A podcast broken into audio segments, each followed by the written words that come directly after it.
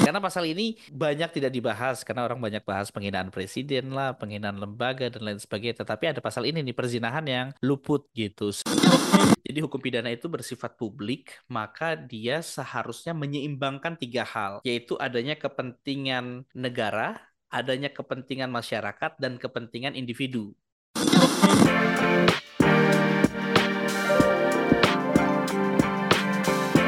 Hai sahabat TCID, kalian sedang mendengarkan podcast Suara Akademia. Ngobrol seru isu terkini bareng akademisi. Twitter, Instagram, semua rame uh, minggu lalu gara-gara ada banyak portal berita yang ngomongin soal pasal yang ada di RKUHP.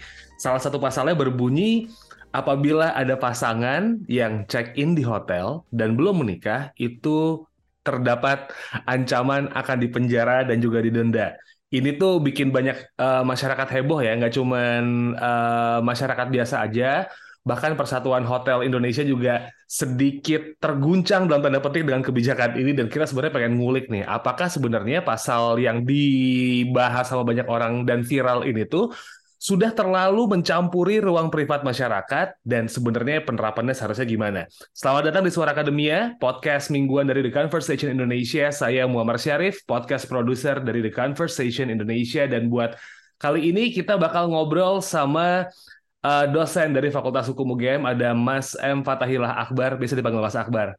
Halo Mas Akbar. Apa kabar Mas? Halo Mas Syarif, Alhamdulillah baik Mas Syarif. Mas, ini viral banget nih Mas, portal berita kayaknya ngebahas semua, apa ya, ngebahas soal pasal ini loh Mas, soal check-in di hotel bagi pasangan di luar nikah. Sebenarnya kalau misalnya buat orang awam nih, bunyi pasal itu kayak gimana sih Mas, spesifiknya? Oke, siap. Baik, jadi gini, kalau dalam konteksnya sebenarnya tidak hanya check-in ya, itu itu bagaimana media mengulasnya agar agar menarik dan semua orang perhatian. Karena pasal ini banyak tidak dibahas karena orang banyak bahas penghinaan presiden lah, penghinaan lembaga dan lain sebagainya. Tetapi ada pasal ini nih perzinahan yang luput gitu. Sebenarnya hmm. di aturan RKUHP itu yang diatur bukan bukan tindakan check-in ya, tapi persetubuhannya.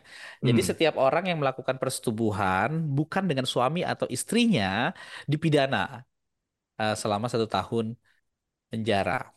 Hmm. Jadi konteksnya itu perzinahan.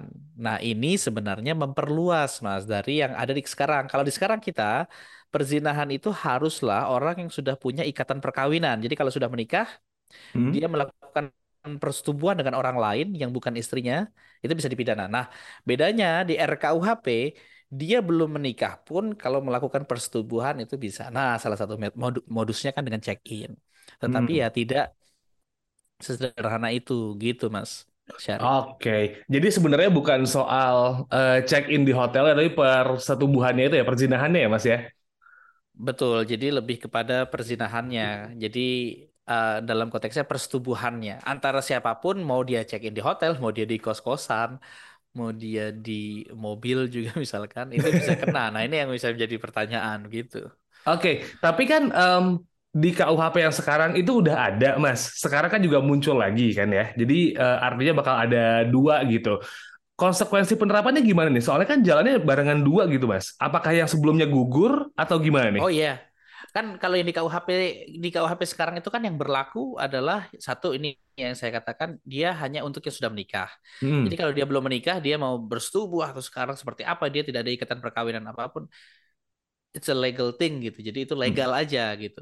Tetapi gini kan RKUHP ini akan hak lahir, KUHP yang sekarang itu totally nggak akan dipakai lagi. Jadi RKUHP yang baru ini menggantikan secara keseluruhan. Makanya namanya pembaharuan universal. Jadi dia membaharui secara universal KUHP kita yang ketinggalan ini yang peninggalan Belanda sama sekali tidak akan dipakai lagi gitu. Jadi yang berlaku adalah KUHP yang baru nanti. Nah, tapi kan um, kalau misalnya kita ngelihat dari pasalnya ini juga banyak yang ngomong di portal-portal berita gitu nih Mas Akbar, kalau yeah. ini sebenarnya nggak bisa sembarang nangkep ya, harus ada delik aduannya dulu gitu. Jadi kalau okay. misalnya uh, jadi kalau nggak ada yang lapor atau orang potensi buat ngelaporin dikasih tutup mulut dan tanda petik actually aman dong sebenarnya atau gimana mas? Jadi betul betul betul ya jadi ada ini deliknya adalah delik aduan absolut. Apa maksudnya delik aduan absolut? Perkara ini hanya dapat diproses kalau orang yang ditentukan berdasarkan undang-undang mengakukan pengaduan. Hmm. Jadi sederhananya eh, digariskan dua tuh dalam pasal 415 RKUHP. Ini delik aduan satu. Jadi delik aduan itu kan yang boleh mengadukan adalah korbannya. Hmm. Contoh ketika dia terikat perkawinan, maka hanya suami atau istri yang dapat mengadukan. Pasal 415 ayat 2. Jadi kalau misalkan istrinya selingkuh nih melakukan persetubuhan, ya dia bisa nih laporkan gitu. Dia bisa Hmm. melaporkan sebagai suami ataupun sebaliknya. Yang kedua, kalau dia tidak terikat perkawinan siapa? Nah, ini yang menarik. Ada orang tua atau anak. Jadi misalkan dia janda atau duda punya anak, anaknya menemukan, "Woi, Bapak kok melakukan hubungan padahal tidak menikah gitu." Nah, itu dia boleh Hmm. mengadukan. Atau orang tua. Jadi orang tua menemukan anaknya, "Eh, kamu kok melakukan hubungan tanpa pernikahan?" Jadi orang tuanya melaporkan. Memang agak lucu juga sih didengarnya Hmm. gitu. Jadi nanti gini ini sebagai ilustrasi Mas Sarif. Hmm. Jadi misalkan ada orang tua, kita misalkan orang tua menemukan anaknya melakukan hubungan persetubuhan Hmm. tan- tanpa pernikahan. Jadi dalam pacaran dia melakukan, "Eh, kok kamu melakukan itu ya?" Nah, Hmm. itu si orang tua itu bisa mengingatkan dia dengan cara yang wajar atau dia bisa melaporkan mengadukan hal tersebut ke kepolisian karena orang tua menjadi delik aduan. Tapi kalau misalkan temannya menemukan, ah saya mau laporkan kamu nggak boleh. Atau polisi mau langsung sergap aja tanpa ada pengaduan nggak boleh gitu. Harus ada pengaduan. Oh, Oke, jadi kayak misalnya eh, mungkin banyak yang mengkaitkan pasal ini kan sama gerbekan dalam tanda petik ya Mas ya. Iya. Nah itu gimana tuh Mas? Apakah memang polisi nggak bisa asal sergap gitu ya buat dikenain pasal ini atau gimana? Nggak bisa nggak bisa. Jadi dia harus ke, melibatkan orang pengadunya. Contoh misalkan ini suaminya selingkuh nih. Si istri kemudian dia lapor ke kepolisian saya sudah mengikuti nih pak. Mereka akan check in di hotel ini. Nah itu boleh karena memang Hmm. dia dia adalah korban yang boleh mengadukan. Tapi kalau temennya nih eh kita mau gerbek dia nih karena dia melakukan ini. Nggak boleh karena dia bukan merupakan orang yang dicantumkan di situ. Atau misalkan orang tua mau menggerebek anaknya nah itu boleh tapi kalau di luar pada itu misalkan tantenya, pamannya, sepupunya karena dia tidak diatur di dalam undang-undang itu, maka mereka tidak berhak mengadukan. Jadi memang lebih ke perzinahannya ya, bukan soal perkara check-innya dan juga yang ngadu pun juga Ya. bukan orang sembarangan ya. Nah, itu pun yang Mas Arief itu yang menjadi sulit karena di sini kata-katanya adalah persetubuhan. Hmm. Jadi itu pun sulit pembuktiannya. Kalau dalam konteks kita persetubuhan itu seperti misalkan uh, adanya penetrasi gitu, Hmm. adanya benang masuk dalam jarum. Dalam konteks konteks begini apa pembuktiannya? Dia misalkan check in nih, ternyata dia hanya main kartu di dalam gitu. Itu menurut saya sulit untuk dikatakan dia memenuhi perzinahan. Atau Oke. misalkan dia melakukan apa kerja kelompok gitu, benar-benar ada kerjaan gitu dan Hmm. lain sebagainya. Nah, itu sulit untuk mengatakan dia melakukan perzinahan. Jadi pembuktiannya juga tidak mudah. Iya, agak-agak tricky ya kalau misalnya ngelihat dari perzinahannya itu. Tapi Mas, em, ngelihat di Twitter ketika pasal ini rame, banyak banget yang bilang kalau misalnya eh, pasal ini tuh sudah terlalu mencampuri ranah privat. Mas Akbar nanggepinnya gimana nih, Mas? Ya, ya, ya itu itu memang perdebatan juga ya. Dalam konteks ini memang salah satu eh, konteksnya hukum pidana itu kan bersifat publik ya. Hmm. Jadi hukum pidana itu bersifat publik, maka dia seharusnya menyeimbangkan tiga hal, yaitu adanya kepentingan negara, adanya kepentingan masyarakat, dan kepentingan individu. Hmm. Dalam konteks ini hak privat itu pasti diatur, tapi dia mengentingkan kepentingan individu kan. Kayak contoh misalkan KDRT, KDRT kan bersifat privat juga, tapi kenapa dia diatur? Karena kalau KDRT dibiarkan, dia akan mengganggu masyarakat juga, jadi ada kepentingan masyarakat akan mengganggu negara juga dalam melindungi uh, kaum rentan misalkan. Hmm. Jadi harus diatur nih sebagai perbuatan pidana. Nah, dalam konteks ini, ini merugikan masyarakatnya dalam konteks apa? Nah, ini yang menjadi perdebatan. Oke. Contoh dalam agama, kaum agama itu mengatakan bahwa mereka dirugikan karena dalam kepercayaan beberapa agama kalau melakukan hubungan seksual itu 40 rumah ke utara, ke selatan, ke barat, ke timur juga berdosa gitu kan ada argumentasi seperti Hmm. itu. Maka mereka berargumentasi ini juga melanggar. Cuma dalam konteks negara yang sekarang seperti ini, perkembangannya sudah seperti ini apakah masih relevan menggunakan argumentasi tersebut? Karena memang ini eh, sangat jauh masuk ke ranah privat gitu. Jadi tetapi gini ya argumentasinya juga Mas Syarif. Selain daripada agama tadi, ada yang mengatakan tingginya angka aborsi, kemudian tingginya angka angka penyakit menular seksual juga jadikan argumentasi. Mhm. Cuma kan apakah masalah ini harus diselesaikan dengan pidana atau bisa dengan edukasi? Kalau menurut saya sih edukasi dulu, Hmm. seks edukasi sejak dini dan lain sebagainya itu menurut saya lebih menjadi solusi ya daripada memidana yang kita tidak tahu apakah itu akan menyelesaikan masalah atau tidak. Begitu Mas Oke. Arif. Masa iya semua kamar dipasang CCTV gitu ya Mas ya? Nah, itu kan jadi jadi susah gitu. Ah, Nanti apakah iya, tapi karena ini delik aduan sebenarnya Hmm. kalau ada yang check in di hotel kemudian mereka melakukan hubungan sebenarnya hotelnya juga tidak akan kena permasalahan sih. Oke. Jadi ya itu tahu jawab masing-masing tapi menurut saya ini satu hal lagi ini terlalu overblasting. Jadi kalau misalkan ini diproses ini kan nambah-nambahkan pekerjaan penegak hukum. Padahal kan penegak hukum harusnya mencari pencuri, perampok dan lain sebagainya, kejahatan-kejahatan yang lebih besar daripada sekedar ngurusin orang yang melakukan hubungan seksual suka sama suka gitu. Mhm. Tanpa ada paksa, kecuali ada paksaan ya kita masuk ke Ya. dalam kekerasan seksual gitu. Tapi sebenarnya tadi eh, Mas Akbar juga udah nge-mention kalau misalnya em, ini sudah apa ya ranah privat juga gitu Mas. Kalau kita berbicara soal apa ya eh, sejauh mana gitu Mas, Eh, how far idealnya gitu hukum positif itu bisa ngatur atau masuk ke ruang privat nih Mas? Ya itu tadi eh, bagaimana kita menyeimbangkan juga dengan kepentingan bangsa. Jadi hak privat ini, hal yang privat ini bisa berakibat kepada kepentingan masyarakat dan kepentingan bangsa. Nah ini memang sangat subjektif juga kita melihatnya. Contoh kayak narkotika. Kenapa penyalahgunaan narkotika ini menjadi perdebatan juga sih sampai Hmm. sekarang juga masih diuji juga. Kenapa penyalahgunaan narkotika itu harus dipidana? Karena nanti takutnya dia um, menyalahgunakan narkotika, kemudian jadi mencuri atau menyakiti orang lain di dalam masyarakat di situ dan merugikan negara juga. Gitu. Jadi harus ada yang dilihat seperti itu. Kayak aborsi juga, aborsi kan masalah privat juga berkaitan dengan hubungan uh, janin dan ibunya. Kalau di negara lain, contoh kayak Belanda pun sudah menghapus aborsi, aborsi jadi sudah legal di sana. Tetapi kalau di Indonesia kenapa? Karena nanti dia berakibat kepada keturunan kita, kepada perkembangan bangsa dan lain sebagainya sehingga diatur. Cuma memang batasannya masih sangat tipis gitu. Hmm. Uh, kayak contoh penghinaan deh, penghinaan itu kan sebenarnya harusnya masalah privat juga. Bagaimana antara dua orang lah, itu paling tidak hanya kelompok kecil. Tetapi karena dianggap negara kita negara ketimuran yang harus menjaga tidak boleh banyak penghinaan dan lain sebagainya, akhirnya diajadikan perbuatan pidana juga gitu. Cuma ya sama se- seperti kasus ini perzinahan, penghinaan, penyalahgunaan narkotika itu menjadi perdebatan juga karena dianggap satu dia victimless, tidak ada korban, Hmm. kemudian atau korbannya dengan jumlah kecil dan kerugiannya juga tidak besar gitu. Apakah perlu pidana atau ada solusi lain? Karena dalam pidana itu ada namanya non penal policy atau kebijakan non pemidanaan gitu dengan misalkan edukasi, perkembangan sosial, pengembangan agama dan lain sebagainya. Tadi eh, Mas Akbar juga nge-mention tuh ada beberapa negara yang sudah em, apa ya, mungkin sedikit memisahkan gitu hukum yang positif, hukum yang buat publik sama yang eh, yang di ruang privat gitu. Tadi kayak di Belanda udah ngelarang apa namanya, udah melegalkan aborsi. Terus Iya. juga mungkin ada beberapa negara yang sudah eh, kalau tadi berbicara soal em, narkotika dan juga zat-zat adiktif lain, ada sudah beberapa negara yang mungkin mengizinkan ganja sebagai benda rekreasi gitu ya, Mas ya. Betul betul. Contoh-contoh lain mungkin nih Mas em, yang bisa dilihat lagi nih Mas Akbar. Ya kayak contoh perzinahan ini Heeh.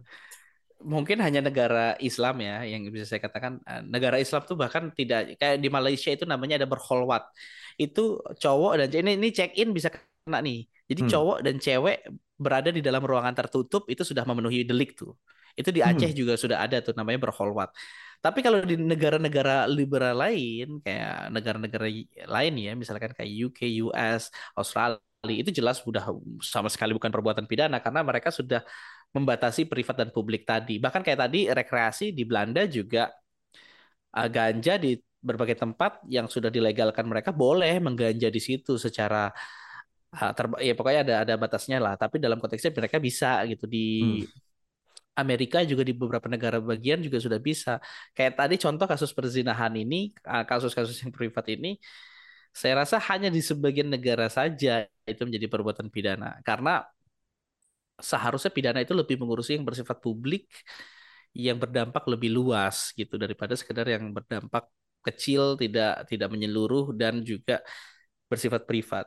Nah, what happen nih, uh, Mas Akbar gitu? Dampak apa yang mungkin terjadi kalau misalnya ini hukum negara sama hak privat itu batasannya nggak jelas nih, Mas? Iya, iya. Sebenarnya banyak kasus viral misalkan dari konteks eh ada batasannya. Kita lihat dari nilai kerugian. Kalau memang nilai kerugiannya itu tinggi, walaupun dia bersifat private, contoh misalkan penipuan antara dua orang, tapi berkaitan dengan total kerugian lebih dari 100 juta, 200 juta, itu kan sesuatu yang perlu untuk diselesaikan secara pidana karena harus ada perlindungan.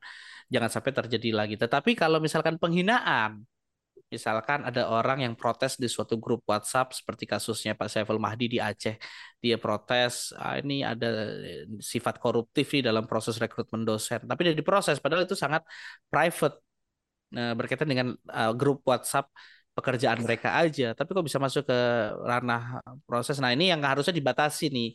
Seharusnya hmm. yang seperti ini diselesaikan secara internal saja, tidak perlu melibatkan penegakan hukum yang bersifat publik gitu. Hmm. Karena satu fitnya juga costnya berapa sih uh, biaya proses peradilan ini?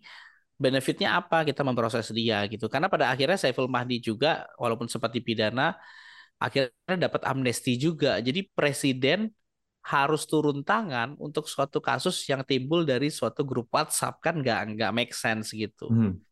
gitu sih jadi harus dilihat kerugiannya juga buat banyak orang gitu ya mas ya. Kalau cuma kayak hal-hal personal kayak ejek-ejekan terus tiba-tiba undang-undang ITE penjara. Nah, banyak kayak iya, gitu betul. tuh. betul. Betul itu ya makanya menurut saya itu harusnya sudah tidak bisa gitu. Jadi saya setuju sih pasal penghinaan itu dihapus tetapi banyak orang mengatakan ini kita negara budaya nih? Kita pasal penghinaan ada saja netizen kita kayak apa tuh ya kan di sosial media kan udah sejak penghinaan. Dia bilang ya tapi saya bilang ini berarti solusinya bukan hukum.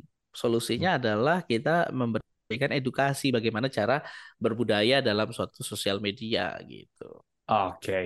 bukan penjara penjara penjara kayaknya hobi banget ya kita kalau nggak suka dikit penjara. Iya betul. penjara. Akhirnya penjara kita penuh dengan hal-hal yang remeh-temeh gitu. Tapi nih Mas uh, Akbar, ini kan kayaknya kalau kita ngelihat KUHP yang berlaku saat ini, bahkan RKUHP yang banyak yang bilang um, ini sudah draft final ya Mas ya kalau kita ngikutin ya? Iya iya nah. iya. Tetapi ya ini kan yang draft 4 Juli yang di-share ke publik ya, hmm. di mana DPR menerima 6 Juli. Uh, tetapi sepertinya akan banyak perubahan karena kan kemudian ada perintah untuk melakukan meaningful participation dari masyarakat. Jadi Kemenkumham itu keliling belasan provinsi untuk menerima masukan. Nah, kayaknya dari masukan-masukan itu akan ada perubahan nih.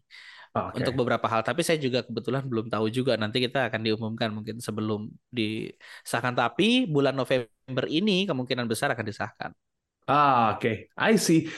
Hmm. Dari draft terakhir yang uh, Mas Akbar baca nih Mas, apakah ya. masih ada pasal yang mungkin mencampuri urusan privat masyarakat terlalu dalam atau mungkin ada potensi nih Mas batasin hak atas privasi masyarakat? Apakah masih ada Mas? Kan kayaknya beberapa waktu yang lalu banyak banget protes tolak RKUHP gitu-gitu loh Mas. Masih ada nggak sih Mas?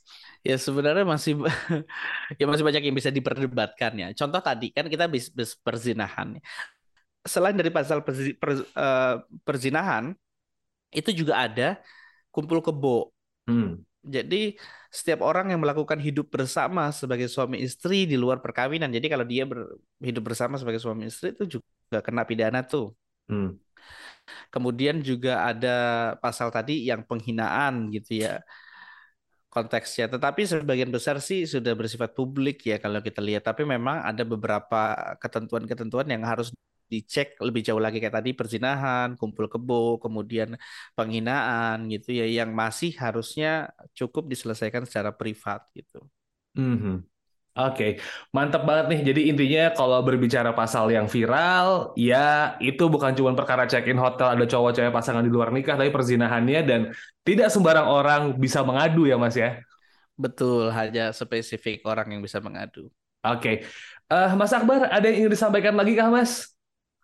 Saya rasa cukup lah, mudah-mudahan bermanfaat untuk para pendengar ya. Bisa mengetahui lebih dalam lagi tentang check-in di hotel. Ya, aman kok aman. Tapi ingat ya jangan melawan hukum yang berlaku. Intinya iya, gitu iya, aja iya. sih, guys mas? Betul betul betul. Oke, kalau gitu Mas Akbar, terima kasih buat waktunya di kesempatan kali ini Mas. Ini enlighten me banget karena ya isunya sampai sekarang masih bergulir gitu loh Mas. Apalagi soal hak uh, privasi masyarakat, habis itu kayak takutnya bakal diopres gimana-gimana, ternyata enggak kayak gitu ya Mas ya. Siap, siap, siap, siap. Okay. Terima kasih Mas. Sama-sama. Kalau begitu, Sobat Isi ID, buat uh, tahu informasi lebih lengkapnya dari The Conversation Indonesia, kamu bisa uh, buka website kami di theconversation.com/id dan forget to follow our social media. Itu ada di at conversationidn itu Twitter um, ada TikTok ada Instagram juga. Dan dengerin suara akademia itu setiap Kamis bakal publish di Spotify. Saya Muhammad Syarif uh, ngucapin terima kasih buat yang udah dengerin. Kita ketemu lagi di next episode kalian telah mendengarkan podcast Suara Akademia. Ngobrol seru isu terkini bareng akademisi